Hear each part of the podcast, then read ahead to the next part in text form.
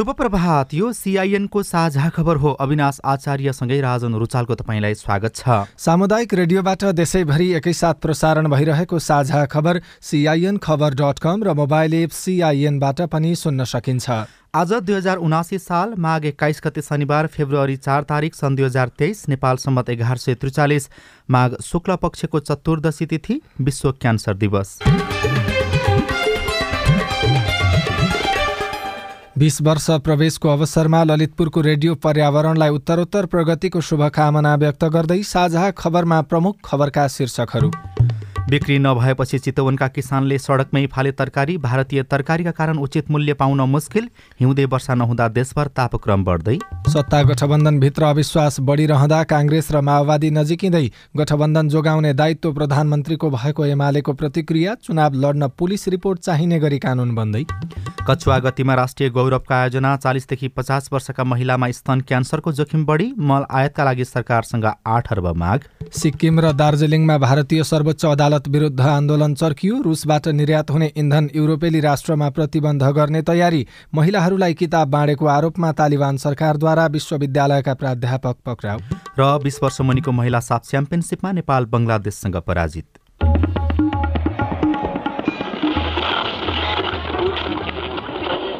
सयौं radio. हजारौं radio कर्मी र करोडौं नेपालीको माझमा यो हो सामुदायिक सूचना नेटवर्क सिआइएन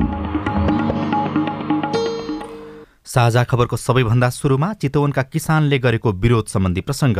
दुई साता अघिसम्म चितवनका किसानले पच्चिस किलो अटाउने एक क्रेट टमाटरको मूल्य आठ सय रुपियाँ पाएका थिए। सुरुमा भदौतिर दुई हजार रुपियाँसम्ममा बिक्री हुने गरेको टमाटर यति बेला स्वात्तै घटेर दुई सय रुपियाँमा झरेपछि हिजो चितवनका किसानले नारायणगढ बजारको व्यस्त क्षेत्र पुलचोकमा तरकारी छरेर विरोध गरे। भारतबाट तरकारी आएपछि मूल्य नपाएको किसानहरूको भनाइ छ। कुटो कोदालो गर्न छोडेर हामी यहाँ सडकमा आउन बाध्य भएका छौँ। नेपाललाई चिनाउँदाखेरि विश्वभर कृषि प्रधान देश भन्नुहुन्छ र कृषि प्रधानको देशको नागरिक हामी किसानहरू आज यसरी बाटोमा उत्रिनु पर्दाखेरि यो यहाँभन्दा लाज मर्दो कुरा काहीँ केही पनि छैन। हाम्रो माग मात्र के हो भने हामीहरूले उत्पादन गरेका चिजहरू हाम्रो लागतमा कति पर्सेन्ट दिन्छौँ? दस पर्सेन्ट बाह्र पर्सेन्ट बिस पर्सेन्ट त्योभन्दा धेरै चाहिएको छैन। नाफा राखेर बेच्ने ग्यारेन्टी गर्थ्यौँ पश्चिम चितवन क्षेत्रमा दुईदेखि बिस बिघासम्म तरकारी खेती गर्ने किसान एक सय तिसको हाराहारीमा छन्। किसानहरूले दुई गाडी टमाटर दुई गाडी फर्सी र दुई गाडी सबै खाले तरकारी सडकमा फालेका हुन्। नारायणगढमा रहेको तरकारी तथा फलफुल व्यवसायीको संस्था फलफुल तथा तरकारी थोक व्यवसायी सङ्घका अध्यक्ष मुकुन्द प्रसाद गौतम यति बेला बजारमा भारतीय तरकारी आएको बताउनुहुन्छ। तर भारतीय तरकारीका कारण मात्रै नेपाली किसानले मूल्य नपाएको उहाँ स्वीकार्नु हुँदैन। किसान भने सडकमा तरकारी फालेर विरोध गर्न बाध्य भएका छन्। अब राजनैतिक प्रसङ्ग सत्ता गठबन्धनभित्र खटपट सुरु भएपछि काङ्ग्रेस र माओवादीबीच अनौपचारिक सम्वाद सुरु भएको छ। राष्ट्रपति र गृह मन्त्रालयका विषयमा अविश्वास बढिरहँदा प्रधानमन्त्री पुष्पकमल दाहाल प्रचण्डले सरकारको स्थिरताका निम्ति काङ्ग्रेससँग सहकार्य गर्ने विकल्पमा समेत छलफल थाल्नु भएको छ। प्रधानमन्त्री प्रचण्डले बिहिबार पार्टीको आन्तरिक बैठकपछि सञ्चारकर्मीसँग सत्ता समीकरण नबदलिने बताए पनि एमाले अध्यक्ष केपी शर्मा ओलीको प्रस्तुति र सरकारमा सहभागी मन्त्रीहरूबाटै व्यक्त भइरहेका व्यवस्था विरोधी अभिव्यक्तिले प्रचण्ड गठबन्धनप्रति विश्वस्त हुन सक्नु भएको छैन।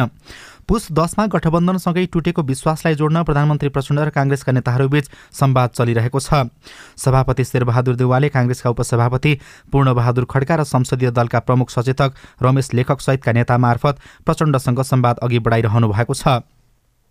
फागुन पच्चिसमा हुने राष्ट्रपति निर्वाचनलाई केन्द्रमा राखेर संवाद चलिरहे पनि पहिलो पछिल्लो पटक सत्ता समीकरणको निरन्तरतामा जोखिम बढेपछि दुई दलका नेताबीच सम्भावित विकल्पका विषयमा पनि छलफल हुन थालेका छन्। गृह मन्त्रालय नपाएको झोकमा एकातिर सत्ता गठबन्धनको तेस्रो ठुलो दल राष्ट्रिय स्वतन्त्र पार्टीले सरकारबाट बाहिरिने चेतावनी दिइरहेको छ भने अर्कातिर राष्ट्रपतिमा राष्ट्रिय सहमति गर्ने माओवादीको प्रस्तावले एमाले असन्तुष्ट बनेको छ।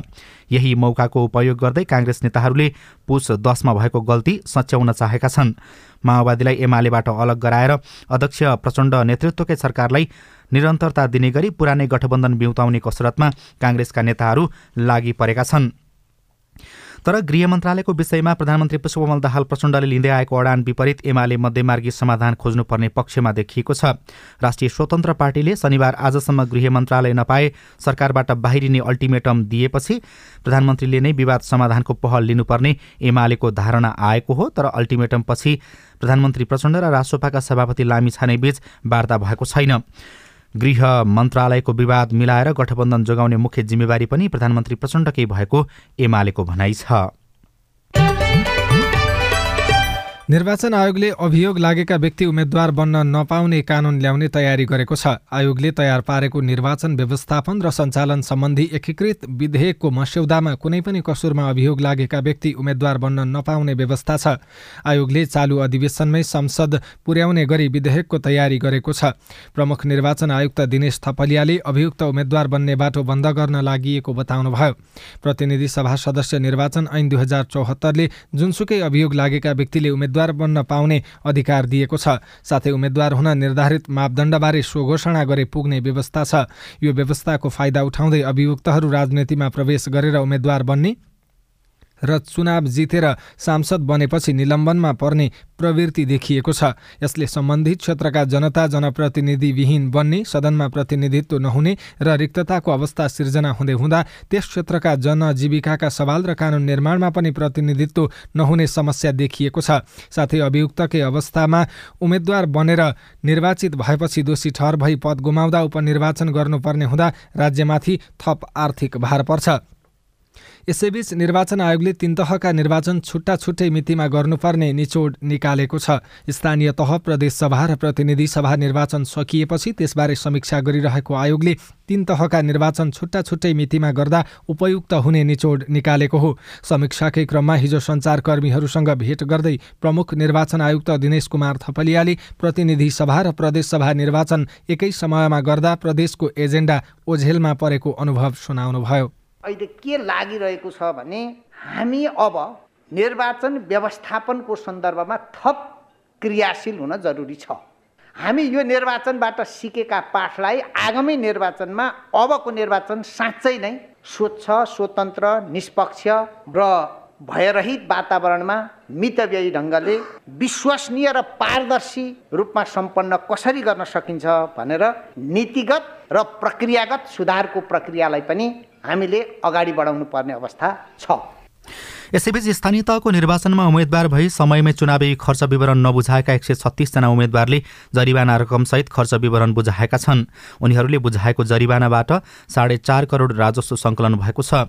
निर्वाचन आयोगका अनुसार स्थानीय तह निर्वाचनमा उम्मेद्वार बनेका एक लाख तेइस हजार छ सय चौबिसजनाले अझै खर्च विवरण बुझाएका छैनन्। उनीहरूले आगामी फागुन मसान्तसम्म जरिवाना रकम बुझाउनु पर्ने र नबुझाएमा नियमअनुसारको कार्यवाही हुने आयोगका प्रवक्ता शालिग्राम शर्मा पौडेलले सिआइएनसँग बताउनुभयो।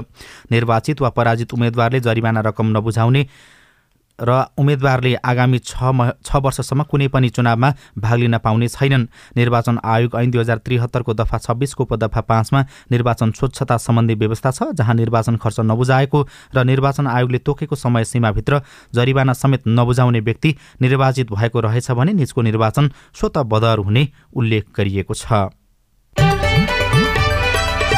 नेपाल र मलेसिया बीचको श्रम सम्झौता परिमार्जन गरी आउँदो अक्टोबरमा नवीकरण गर्न उच्चस्तरीय सहमति भएको छ।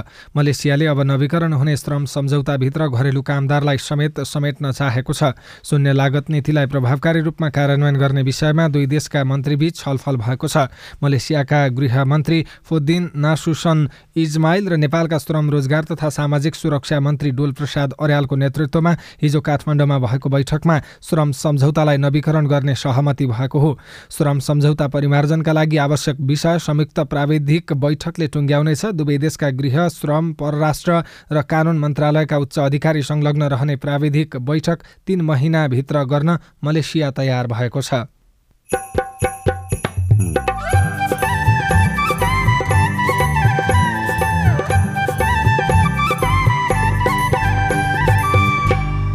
सामुदायिक सूचना नेटवर्क सिआइएन मार्फत देशभरि प्रसारण भइरहेको साझा खबरमा भाषा र सिप नसिकी वैदेशिक रोजगारीमा जाँदा समस्या। लेबर कन्ट्र्याक्ट आउँदाखेरि चाहिँ फलानु फलानु कम्पनीमा आएको छ भने अध्यक्ष अनस्किल्ड अब यस्तो गर्नुहोस् उस्तो गर्नुहोस् भन्दा भन्दै अब अलिअलि भाषा जानियो काम सिकियो। कछुवा गतिमा राष्ट्रिय गौरवका आयोजना चालिस वर्षदेखि पचास वर्षका महिलामा स्तन क्यान्सरको जोखिम बढी लगायतका समाचार बाँकी नै छन्। सिआइएनको साझा खबर सुन्दै गर्नुहोला। जलवायु परिवर्तनले मानव जीवन र प्राकृतिक प्रणालीमा विश्वव्यापी प्रभाव पारेको छ। आगामी दिनमा यो क्रम अझै बढ्दै जाने अनुमान गरिएको छ। तिम्रो किताबमा पनि जलवायु सम्बन्धी पाठ रहेछ नि होइन विना छ नि। आज म पारिस्थितिकीय प्रणालीमा आधारित अनुकूलन अर्थात् इबिए भन्ने पाठ पढ्दैछु। के रहेछ यो इबिए भनेको? जोखिममा परेका समुदायलाई प्राकृतिक स्रोत र साधनको उपयोग गरी जलवायु परिवर्तनको जोखिम न्यूनीकरण र सामना गरी जिउने र विकसित हुन सहयोग पुर्याउने कामलाई इबिए भनिन्छ। जलवायु परिवर्तनको प्रतिकूल प्रभावको सामना गर्न समुदायहरूलाई सहयोग पुर्याउने यो एउटा नयाँ अवधारणा हो। ए अनि खेती किसानी गर्ने हामीलाई पनि यसले फाइदा गर्छ? गर्छ नि। सुक्खा ठाउँहरूमा कम चिस्यानमा हुर्कन सक्ने बाली नाली लगाउने अनि पहिरो जान सक्ने क्षेत्रमा पहिरो रोकथाम गर्न सक्ने र उपयोगी बिरुवा लगाउने। समुदायलाई फाइदा हुने गरी वन चरण पानीको मुहान जस्ता स्रोतको दिगो व्यवस्थापन गर्ने कामहरू इबिए अन्तर्गत पर्छन् क्या। उसो भए त यो गजबको कुरा रहेछ त। हो त नि धेरै गजबको कुरा हो। इबिए को योजना तयारी र कार्यान्वयन गर्दा स्थानीय जनताको सहभागिता आदिवासी जनजाति संरक्षण कर्मी प्राकृतिक स्रोत व्यवस्थापन अभियन्ता र निजी क्षेत्रका सरोकारवालाहरू बीच पनि समन्वय चाहिन्छ। जलवायु परिवर्तनले निम्ताएका चुनौतीको सामना गर्न जमिन जल र प्राकृतिक स्रोत व्यवस्थापनका सर्वोत्तम उपलब्धिहरूको कार्यान्वयन गरौँ। पारिस्थितिकीय प्रणालीमा आधारित अनुकूलन आयोजना जलवायु परिवर्तन तथा व्यवस्थापन महाशाखा वन तथा वातावरण मन्त्रालय र सिआइएन खै यतै कतै कतै भन्थे यता हो कि तल हो कि माथि हो कता हो सर नमस्ते। हजुर नमस्ते नमस्ते। हजुर के सेवा गरौँ? सूचनाको हक भन्ने बारेमा रेडियो टिममा खुब सुनिन्थ्यो। हजुर। आज पालिकामा छिरेको बेलामा सोधिहालेँ हजुरलाई। तपाईँले सही व्यक्तिलाई सही प्रश्न सोध्नुभयो। म चाहिँ यो पालिकाको सूचना अधिकारी हुँ। सूचनाको हक भनेको संविधान कानूनमा उल्लेख भएको नागरिकको अधिकार हो हजुर। अनि यो अधिकार त पत्रकारले मागे पाए भन्ने मात्रै सुनिन्छ त। हामी जस्तो सामान्य मानिसले कसरी प्रयोग गर्ने? सूचना माग्ने पत्रकारले मात्रै होइन। कुनै पनि नेपाली नागरिकले सूचना प्राप्त गर्ने कारण उल्लेख गरी सम्बन्धित सूचना सूचना अधिकारी समक्ष निवेदन दिनुपर्छ। विधि र प्रक्रिया पूरा गरी निवेदन प्राप्त भयो भने सूचना अधिकारीले पन्ध्र दिन भित्रमा उपलब्ध गराउनु पर्ने सूचनाको हक सम्बन्धी ऐनमा भनिएको छ। पन्ध्र दिन पो कुर्नु पर्ने व्यक्तिको जीवनको सुरक्षासँग सम्बन्धित सूचना माग गरिएको हो भने नि हजुर। चौबिस घण्टा भित्रै जानकारी दिनुपर्छ। अनि सरकारी वा सार्वजनिक निकायका अधिकारीले सूचना लुकाएमा पच्चिस हजारसम्म जरिवाना हुने व्यवस्था ऐनमा छ। त्यसका लागि चाहिँ राष्ट्रिय सूचना आयोगमा पुनरावेदन गर्नुपर्छ। अनि यो सूचना माग्दा पैसा पनि लाग्छ? लाग्दैन लाग्दैन। निवेदन उजुरी र पुनरावेदन गर्दा पैसा लाग्दैन। सम्बन्धित निकायले दिने सूचना दस पन्ना भन्दा बढीको भएमा चाहिँ प्रति पन्ना पाँच रुपियाँ तिर्नुपर्छ। ल कुरो बुझ्यो। अब भोलि नै म पनि सूचना माग्न आउँछु। हस् हस्। अस्ट्रेलिया सरकार र द एसिया फाउन्डेसनको साझेदारीमा सञ्चालित स्थानीय सरकार सबलीकरण कार्यक्रम र अकोराब नेपाल। सामाजिक रूपान्तरणका लागि यो हो सामुदायिक सूचना नेटवर्क सिआइएन तपाईँ अहिले देशभरिका सामुदायिक रेडियो सिआइएन खबर डट कम र मोबाइल एप सिआइएनबाट एकैसाथ साझा खबर सुन्दै हुनुहुन्छ। अब आज काठमाडौँबाट प्रकाशित पत्र पत्रिकाका खबर। नयाँ पत्र नयाँ पत्रिका दैनिकको पहिलो पृष्ठमा एम बमले हिउँदे वर्षा नहुँदै काठमाडौँमा बढ्न थाल्यो तापक्रम शीर्षकको खबर लेख्नु भएको छ। काठमाडौँ उपत्यकामा हिउँदे वर्षा नहुँदै गर्मी बढ्न थालेको छ। हिउँद घर्किन लाग्दा पनि उपत्यकामा वर्षा हुन सकेको छैन। नेपालमा पन्ध्र मङ्सिरदेखि पन्ध्र फागुनसम्मको अवधिलाई हिउँद मानिन्छ। जल तथा मौसम विज्ञान विभागले यो हिउँदमा कम वर्षा हुने र तापक्रम पनि औसतभन्दा बढी हुने आकलन गरेको थियो। दिनहुँ चर्को घाम लाग्न थालेपछि काठमाडौँको अधिकतम र न्यूनतम तापक्रम दुवै बढेको छ। गत वर्षको यही अवधिसँग तुलना गर्दा काठमाडौँको अधिकतम तापक्रम सरदर छ डिग्रीसम्म उकालो लागेको छ। देशभरको तापक्रममा पनि उतार चढाव छ। मौसम पूर्वानुमान महाशाखाका अनुसार वर्षा कम भएकाले तापक्रम चाँडै बढेको हो। गत वर्षको तुलनामा तापक्रम अधिकतम आठ दशमलव आठ र न्यूनतम चार दशमलव दुई डिग्रीले बढेको छ। नागरिक दैनिकमा हिमाली क्षेत्रमा सुखापन जनजीवनमा असर शीर्षकको खबर लेखिएको छ। सन्तोष पोखरेलले यो खबर लेख्नु भएको छ। कास्कीको माछापुछ्रे गाउँपालिकामा पर्छ मर्दी हिमाल पदमार्ग। यहाँ बयालिस सय मिटर उचाइसम्म पदयात्रा गर्न सकिन्छ। पछिल्लो समय यो पदमार्गमा आन्तरिक र बाह्य पर्यटकको भिड लाग्ने गरेको छ। पोखराबाट छोटो समयमा आउजाउ गर्न सकिने भएकाले पनि पर्यटक माझ यो पदमार्ग लोकप्रिय पनि छ तर यसपटक हिउँदमा वर्षा र हिमपात नहुँदा मर्दी पदमार्ग क्षेत्रमा पानीको स्रोत समेत सुक्न थालेका छन् जसको प्रत्यक्ष प्रभाव जनजीवनसँगै पर्यटन क्षेत्रमा पनि परेको छ। यतिखेर हिउँ परेर सेतै हुनुपर्ने मर्दी हिमाल पदमार्ग क्षेत्र सुक्खा बनेको स्थानीयले बताएका छन्। हिमपात वर्षात नहुँदा र पानीको मूल सुक्दै जाँदा स्थानीय समस्यामा परेका छन्। हिमाली क्षेत्रमा सुक्खापन देखिएको छ र त्यसको असर जनजीविका र पर्यटन क्षेत्रमा पनि देखिन थालेको छ। गोर्खापत्र मा मल आयात गर्न आठ अर्ब माग शीर्षकको खबर लक्ष्मी सापकोटाले लेख्नु भएको छ। कृषि सामग्री कम्पनी लिमिटेडले आगामी धान बालीका लागि आवश्यक पर्ने रासायनिक मल खरिद गर्न थप सात अर्ब पचहत्तर करोड रुपियाँ माग गरेको छ। धान बालीमा मलको आपूर्ति सहज बनाउन नब्बे हजार मेट्रिक टन रासायनिक मल खरिद गर्न सात अर्ब पचहत्तर करोड रुपियाँ बजेट मागिएको हो। कम्पनीले कृषि तथा पशुपक्षी विकास मन्त्रालय मार्फत अर्थ मन्त्रालयमा रकमको स्रोत सुनिश्चित गर्न पत्राचार गरेको छ। आज विश्व क्यान्सर दिवस। पत्र पत्रिकाले क्यान्सर र यसको कारण सम्बन्धी समाचारहरू छापेका छन्। कान्तिपुर दैनिकमा स्तनको सो परीक्षण सम्बन्धी खबर विद्या राईले लेख्नु भएको छ।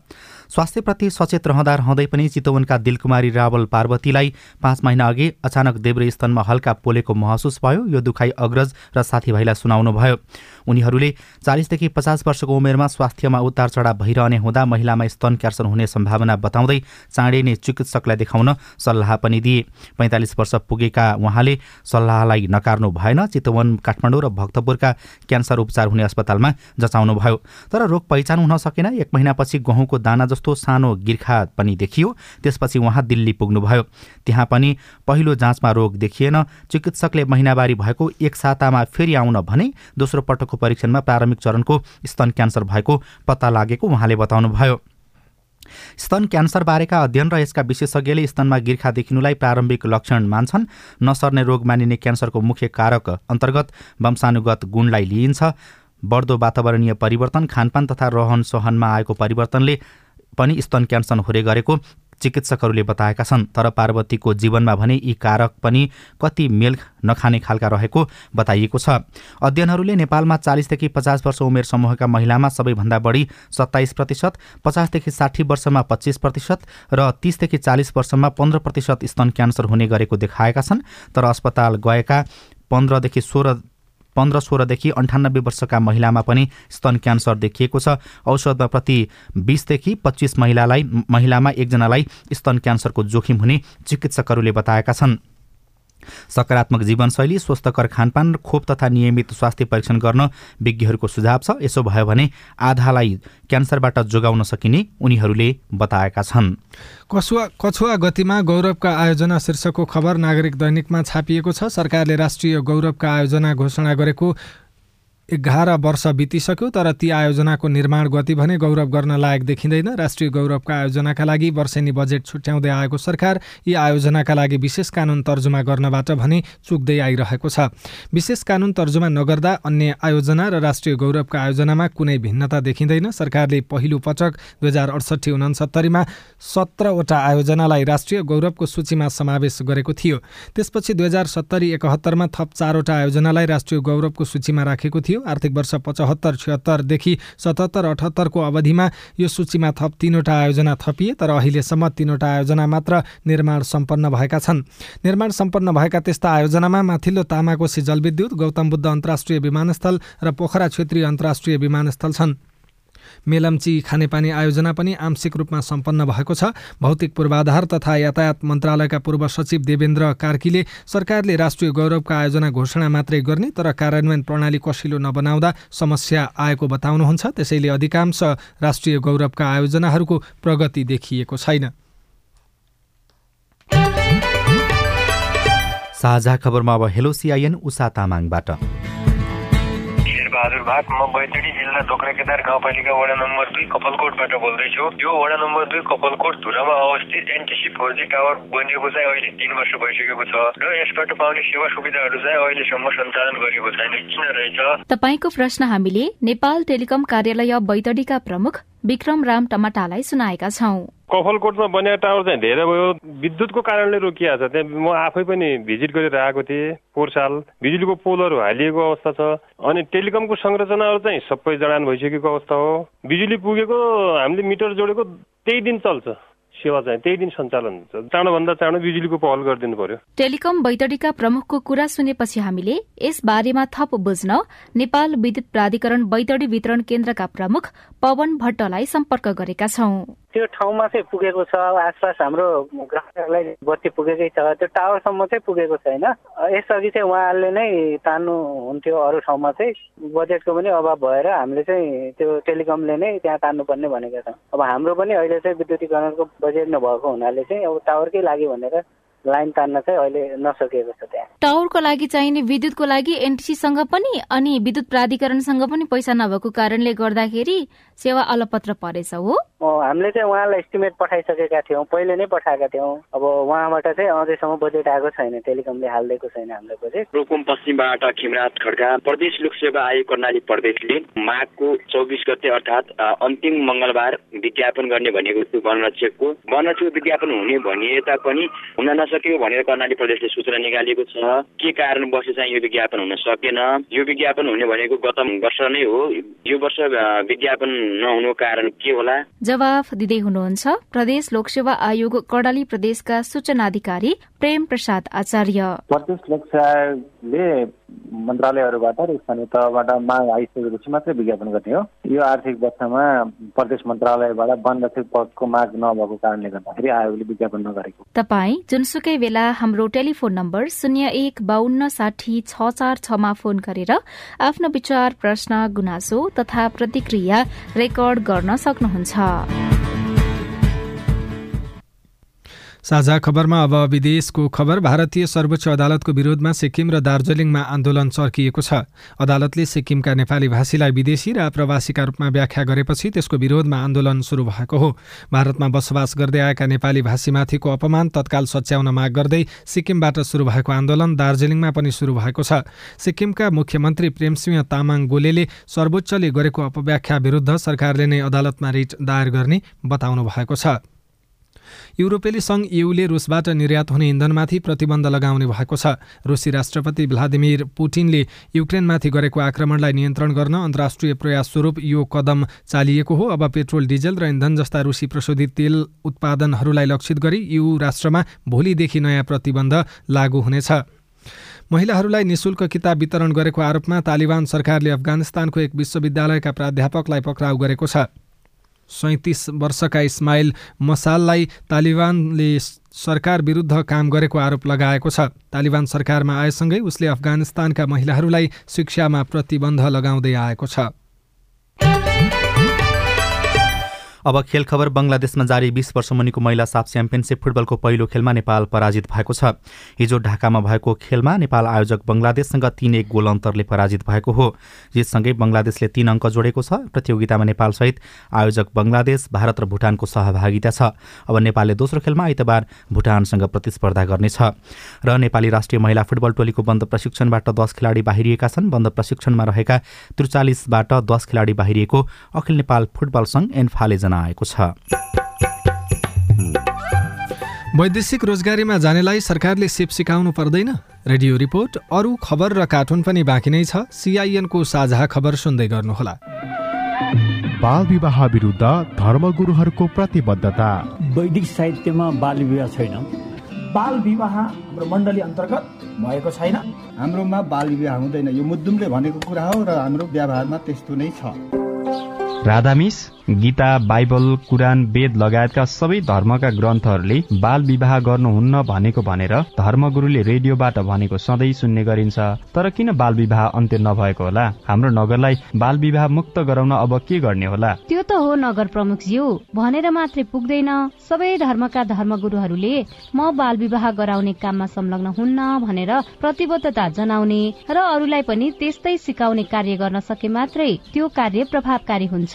अनि बाल विवाह विरूद्ध काम गर्ने संघ संस्थाहरू र तपाईँहरू जस्ता स्थानीय सरकारले पनि धर्मगुरू र धार्मिक अगुवाहरूलाई यो अभियानमा सँगसँगै सहभागी गराएर अघि बढ़ाउन सके। बाल विवाह लगायतका हानिकारक परम्परागत अभ्यास अन्त्य के गर्न सकिन्छ? हुन्छ राधा मिस म त्यसै गर्छु। ओल्ड भिजन इन्टरनेसनल नेपाल र अकुराब। नेपाल टेलिकमको सूचनाको संसार। होइन के सुनेको यस्तो ध्यान दिएर दोहोरो बोलेको जस्तो नि देख्दिन। तिन दुई एक शून्य शून्य क्या? तिन दुई एक शून्य शून्य? के हो त्यो भने? बुझिन त। ल सुन एनटिसी प्रयोगकर्ताहरूले आफ्नो मोबाइल तथा ल्यान्डलाइनमा तिन दुई एक शून्य शून्य डायल गरी समाचार रेडियो कार्यक्रम खेल र अन्य विषयबारे सन्देशहरू जुनसुकै बेला निशुल्क सुन्न सक्छन्। ओहो निशुल्क? कस्तो सजिलो। समाचार सुन्न छुट्यो भनेर पिर लागेको थियो। अब त म पनि सुनिहाल्छु। कति रे? तिन दुई एक शून्य शून्य। सामाजिक रूपान्तरणका लागि यो हो सामुदायिक सूचना नेटवर्क सिआइएन साझा खबरमा अब वैदेशिक रोजगारी र सिपको कुरा। रोजगारीका लागि दैनिक झण्डै दुई हजार जना नेपाली विदेश गइरहेका छन् जसमा सात सय भन्दा बढी कामदार अध्यक्ष छन्। अध्यक्ष अर्थात् बिना कुनै सिप वैदेशिक रोजगारीमा जाँदा जोखिम बढ्ने र सेवा सुविधा पनि कम हुने हुन्छ। यस्तो जोखिम घटाउन सरकारले वैदेशिक रोजगारीमा जान चाहनेका लागि विभिन्न तालिम निशुल्क उपलब्ध गराइरहेको छ। के काम हो भनेर थाहै थिएन खासमा यहाँनिर। यहाँ आएपछि मात्रै थाहा भएको यस्तो काम रहेछ भनेर सुरु सुरुमा त डर पनि लागेको थियो। कसरी गर्ने के गर्ने उदयपुरका जीवन श्रेष्ठ रोजगारीका सिलसिलामा तीनवटा देश पुगिसक्नु भएको छ। तर तीनवटै देश जाँदा उहाँसँग आफूले गर्नुपर्ने कामको कुनै सिप थिएन। हाल कोरियामा रहनुभएका उहाँले भाषा परीक्षा त उत्तीर्ण गर्नुभएको थियो तर कुनै सिप भने सिक्नु भएको थिएन। मात्रै सिकेको हो सिप त सिकेको होइन। कोरियामा अध्यक्ष कामदारै भनेर लिएर आउँछ। त्यस्तो सिप सिकाएर ल्याउँदैन र नेपालमा सिकेको सिपमा खासै यहाँ काम पनि त्यति लगाउँदैन अब हाम्रोमा अलिक अर्कै खालको सिप सिकेको हुन्छ। जुम्लाका रामबुढा रोजगारीका लागि मलेसियामा हुनुहुन्छ। निर्माण क्षेत्रमा श्रमिकका रूपमा काम गर्ने उहाँ पनि कुनै सिप नसिकी विदेश जानु भएको थियो। सिप नसिकी विदेश जाँदा दुःख पाएको भन्दै सिप सिकेर आउँदा सहज हुने उहाँको भनाइ छ। थिएन थिएन। लेबर कन्ट्र्याक्ट आउँदाखेरि चाहिँ फलानु फलानु कम्पनीमा आएको छ भने अध्यक्ष अनस्किल्ड। अब यस्तो गर्नुहोस् उस्तो गर्नुहोस् भन्दा भन्दै अब अलिअलि भाषा जानियो काम सिकियो। काम त पाँच वर्षसम्म गर्दा पनि पुरै काम त सकिएन। वैदेशिक रोजगारीमा जाने श्रमिकले अनिवार्य रूपमा अभिमुखीकरण तालिम लिनुपर्ने सरकारी नियम छ। वैदेशिक रोजगार बोर्डले सिटिभिटी अन्तर्गत देशभरका छ सय भन्दा बढी तालिम दिने संस्थासँगको सहकार्यमा सत्र विधामा निशुल्क तालिम प्रदान गरिरहेको छ।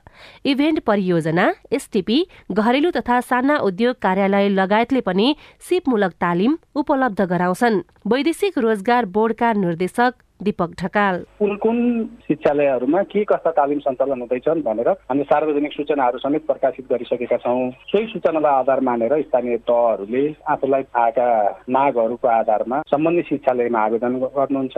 आवेदन पश्चात शिक्षालयहरूले पश्चातीहरू छनौट गरेर तालिम सञ्चालनको व्यवस्था मिलाउनुहुन्छ। त्यो तालिमहरू एक सय साठी घन्टाको हुन्छ न्यूनतम पनि। यसरी उपलब्ध गराइने सम्पूर्ण तालिमहरू पश्चातीहरूले निशुल्क रूपमा प्राप्त गर्छन्। बोर्डले दिने यस्ता तालिम एक महिना अवधिका हुन्छन्। सिप परीक्षण उत्तीर्ण गर्नेहरूले तालिमका लागि बोर्डमा बुझाएको रकम फिर्ता पाउँछन्। यस्तै सुरक्षित आप्रवासन परियोजना सामी अन्तर्गत समेत निशुल्क तालिम उपलब्ध गराइरहेको श्रम रोजगार तथा सामाजिक सुरक्षा मन्त्रालयका प्रवक्ता डण्डुराज लामिछाने बताउनुहुन्छ। अब हाम्रो सामी परियोजना अन्तर्गत वैदेशिक रोजगारमा जानेहरूका लागि भनेर उनीहरूलाई ओरिएन्टेसन गर्ने इन्फर्मेसन दिने एवेरनेस क्रिएट गर्ने होइन? लगायतका कुराहरू गराउने गरेका छौँ। सिएमआरसी केन्द्रहरू छन् होइन? सूचना केन्द्र भन्छ होइन? वैदेशिक रोजगार सूचना केन्द्र भन्छ।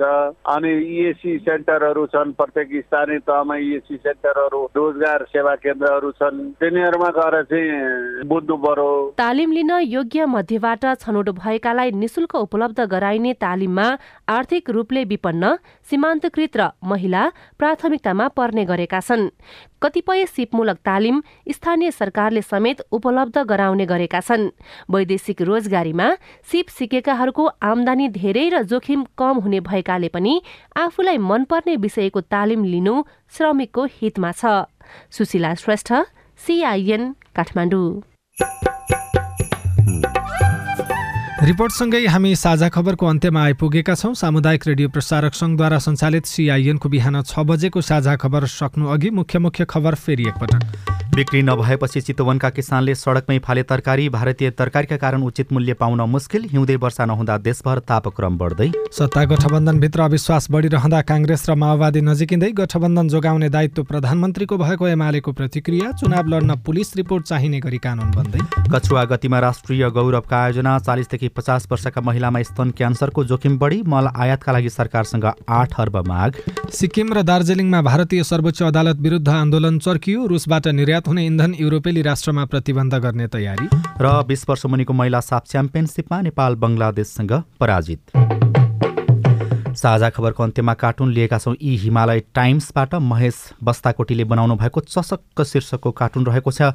यहाँ अगाडिपट्टि मन्त्री पद जाँदा पनि मन्त्रीले क्वार्टर छोडेनन् भनेर लेखिएको एउटा पत्रिका छ। पत्रिकाको पछाडिपट्टि कुर्सी छ। कुर्सीमा पूर्व गृहमन्त्री रवि लामिछाने जस्ता देखिने व्यक्ति औँला ठडाएर बस्नु भएको छ।